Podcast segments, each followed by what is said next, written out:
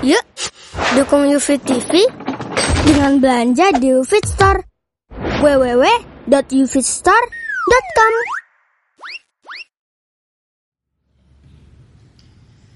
Innal hamdalillah. Nahmaduhu wa nasta'inuhu wa nastaghfiruh. Wa na'udzu billahi min shururi anfusina wa min sayyiati a'malina. May yahdihillahu fala ومن يضلله فلا هادي له. وأشهد أن لا إله إلا الله وحده لا شريك له. وأشهد أن محمدا عبده ورسوله. اللهم صل على نبينا وسيدنا محمد وعلى آله ومن تبعهم بإحسان إلى يوم الدين. Qala Allah Ta'ala fi kitabihil karim Ya ayyuhalladzina amanu taqullaha haqqa tuqatih wa la tamutunna illa wa antum muslimun. Wa qala ta'ala Ya ayuhan nasu taqu rabbakumul ladzi khalaqakum min nafsin wahidah wa khalaqa minha zawjaha wa batha minhuma rijalan wa واتقوا الله الذي تساءلون به والأرحام إن الله كان عليكم رقيبا. وقال تعالى يا أيها الذين آمنوا اتقوا الله وقولوا قولا سديدا. يصلح لكم أعمالكم ويغفر لكم ذنوبكم ومن يطع الله ورسوله فقد فاز فوزا عظيما. فإن أصدق الحديث كتاب الله وخير الهدى هدى محمد صلى الله عليه وسلم وشر الأمور محدثاتها وكل محدثة بدعة wa kulla bid'atin dolalah wa kulla dolalatin finnar. Ma'asyiral muslimin, jamaah salat Jumat Masjid Raya Al-Fatah yang semoga selalu dirahmati dan diberkahi oleh Allah Subhanahu wa taala.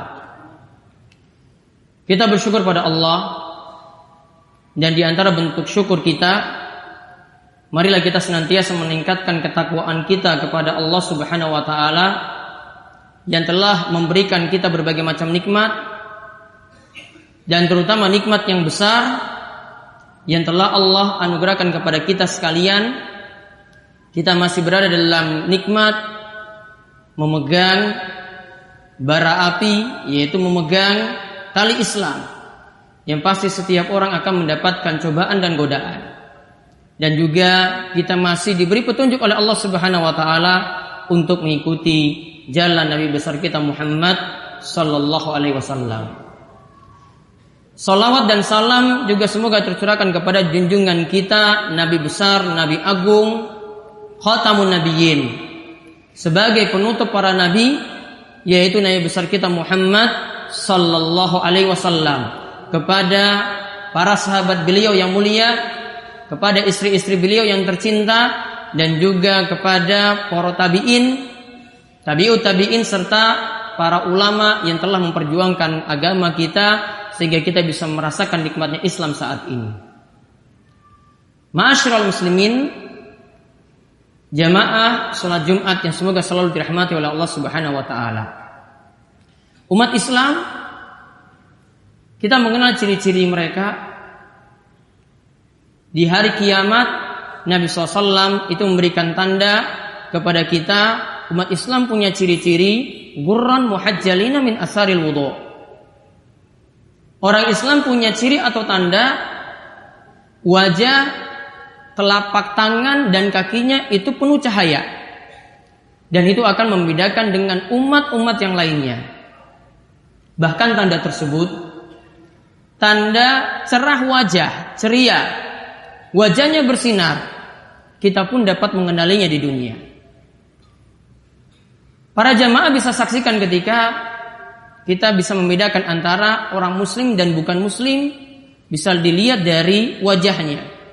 Kalau kita lihat wajahnya cerah karena seringnya berwudu, karena seringnya membasuh wajahnya ketika wudu, maka itu tanda dia adalah orang beriman, itu tanda dia adalah seorang muslim.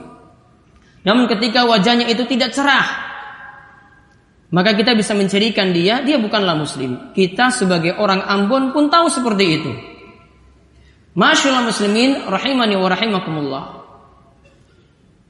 Namun pembeda di antara muslim dan bukan muslim bukan hanya seperti itu. Ada perbedaan yang mesti kita tampakkan bahwasanya kita muslim dan ini dibedakan dengan yang di luar muslim. Yaitu bisa kita lihat tanda-tandanya yang pertama dari sisi akidah kita. Yang kedua dari sisi akhlak seorang muslim. Yang ketiga dari sisi amalannya. Maka seorang muslim itu akan terbedakan dari yang bukan muslim dari hal-hal tadi. Dan memang Nabi Shallallahu Alaihi Wasallam telah menyampaikan kepada kita jauh-jauh hari bahwa umat Islam itu akan mengikuti umat sebelumnya. Sampai Nabi Shallallahu Alaihi Wasallam itu katakan shibron bi shibrin, ziraan bi zirain sejengkal demi sejengkal, sehasta demi sehasta. Kita nanti tidak beda dengan mereka. Umat Islam tidak akan beda dengan mereka. Sejengkal itu persis bisa sama, sehasta itu pun bisa sama. Maka sampai-sampai Nabi SAW katakan, hatta lau dakhalu fi juhri dhabbin la taba'tumuhum. Kata Nabi Shallallahu Alaihi Wasallam sampai pun nanti mereka Umat selain Islam itu masuk dalam lubang dob. Apa itu lubang dob? Dob ini binatang padang pasir yang hidup di daerah padang pasir. Dob ini biasanya kalau dikejar oleh musuh atau ada yang berburu ingin menangkap dob tadi, hewan yang namanya dob, maka dia akan masuk ke dalam lubang dan membentuk jalan yang berlika-liku sehingga sulit dikejar oleh musuh. Nabi SAW katakan seandainya mereka pun masuk dalam lubang dob yang sulit dikejar.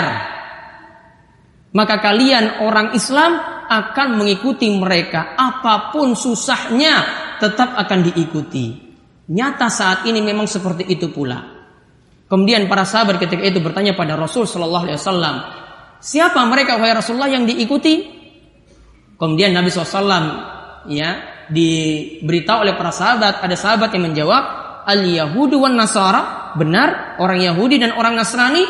Kemudian ketika itu Nabi SAW itu menjawab, faman, lalu siapa lagi kalau bukan mereka yang kalian tiru? Kaum muslimin yang semoga selalu dirahmati oleh Allah Subhanahu wa taala. Kami akan contohkan beberapa sisi umat Islam sudah nggak punya jati diri lagi. Kita tidak beda lagi dengan mereka. Contoh yang pertama, yang masih ngaku sebagai Islam. Namun sudah difatwakan sesat, sudah difatwakan akidahnya itu bermasalah baru-baru ini. Baru tahun 2016 ini.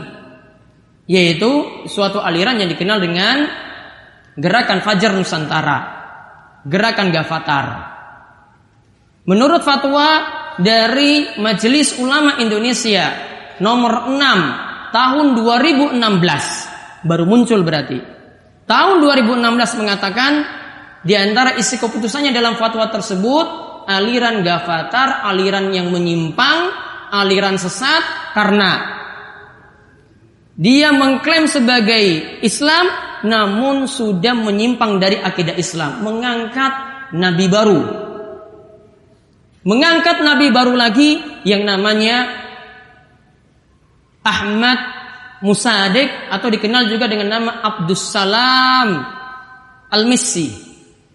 Messi di sini maksudnya adalah juru selamat. Mereka ngangkat punya nabi baru lagi.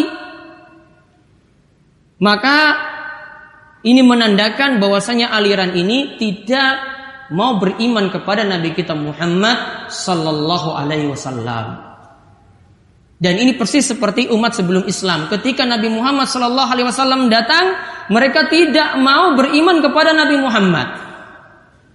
Ya, mereka tidak mau beriman kepada Nabi Muhammad. Padahal Nabi Muhammad itu adalah nabi yang terakhir sebagaimana Allah katakan dalam surat Al-Ahzab ayat ke-40 Allah katakan makana Muhammadun aba ahadin rijalikum ingatlah Muhammad bukanlah bapak salah seorang di antara kalian. Walakin Rasulullah wa khataman nabiyyin. Beliau Nabi Muhammad itu adalah utusan Allah. Dan ditegaskan lagi beliau adalah penutup para nabi.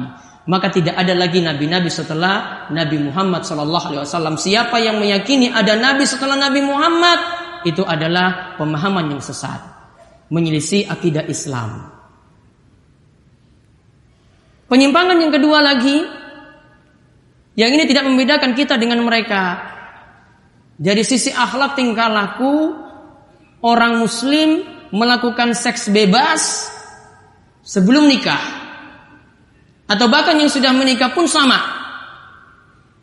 Dan juga apalagi orang-orang timur tidak pandang itu muslim atau tidak pandang itu kafir, tetap masih punya hobi untuk minum minuman keras. Tetap masih punya hobi untuk minum minuman keras.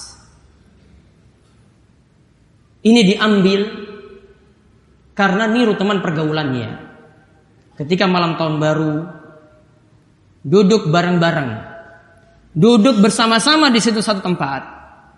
Lihat temannya yang berbeda akidah dengannya, begitu senang minum minuman keras tadi, ikut-ikutan juga untuk minum. Seks bebas pun juga sama. Padahal di sini kami tekankan untuk minuman keras karena masih jadi hobi di sebagian kalangan. Nabi Shallallahu Alaihi Wasallam itu mengatakan, faman syaribal khamra siapa yang minum minuman keras orang muslim yang minum minuman keras lam tuqbal salatuhu arba'ina yauman salatnya tidak diterima selama 40 hari salatnya tidak diterima selama 40 hari dan kata Nabi SAW fa in mata jika dia mati Wahia fi dan minuman keras itu masih ada dalam perutnya. Mata mitatan jahiliyatan. Maka matinya seperti mati orang jahiliyah. Karena orang jahiliyah sama seperti orang itu jadi pecandu, jadi peminum minuman keras. Niru orang-orang jahiliyah. Dan ada orang muslim kita temukan demikian. Kalau sudah lihat temannya, teman pergaulannya jelek, apalagi di situ dari beda akidah dan mereka menghalalkan minuman keras tadi, maka orang-orang muslim ikutan untuk ya menikmati minuman yang haram tersebut.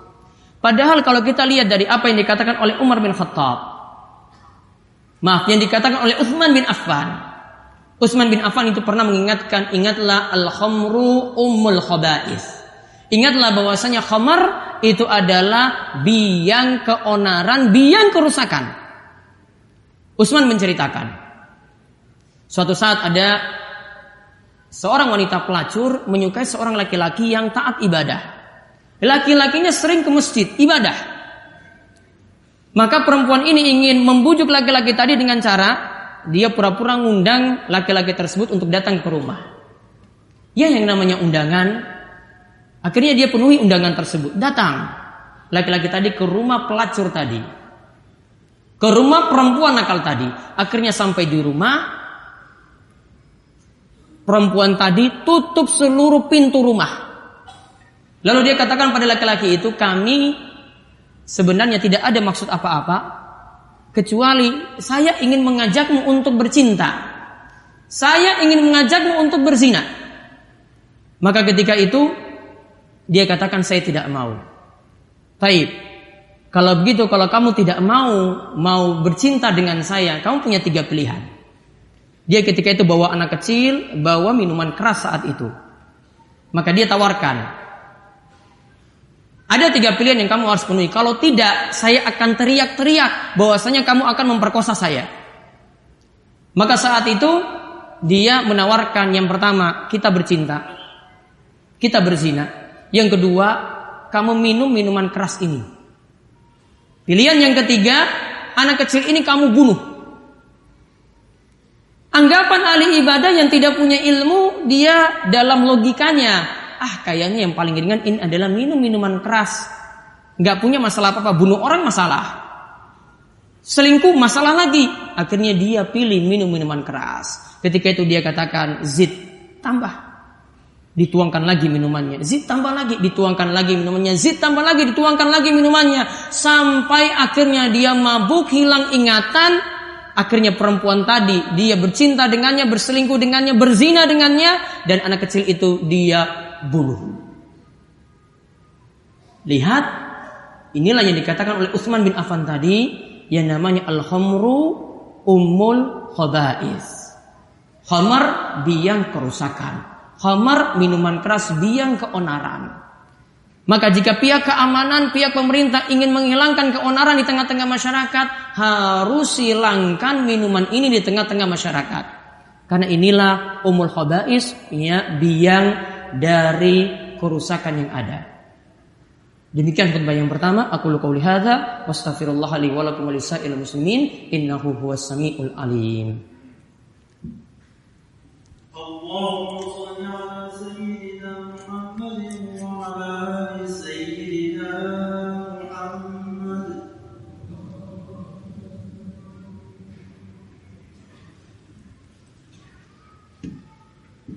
Alhamdulillahi rabbil alamin. Hamdan katsiran tayyiban mubarakan fih. Kami yuhibbu rabbuna wa yarda. Wa asyhadu an la ilaha illallah wahdahu la syarikalah. Wa asyhadu anna muhammadan abduhu wa rasuluh. Allahumma salli ala nabiyina Muhammad wa ala alihi wa man tabi'ahum bi sani la Para jamaah salat Jumat yang semoga selalu dirahmati oleh Allah Subhanahu wa taala. Bentuk lainnya lagi yang kaum muslimin meniru orang kafir yaitu kurangnya ilmu, tidak mau belajar, dan sedikitnya amalan.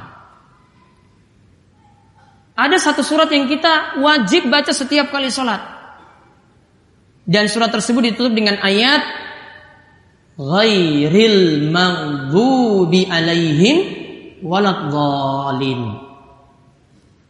Di awal dikatakan ihdinas siratal mustaqim. Tunjukkanlah kami kepada jalan yang lurus.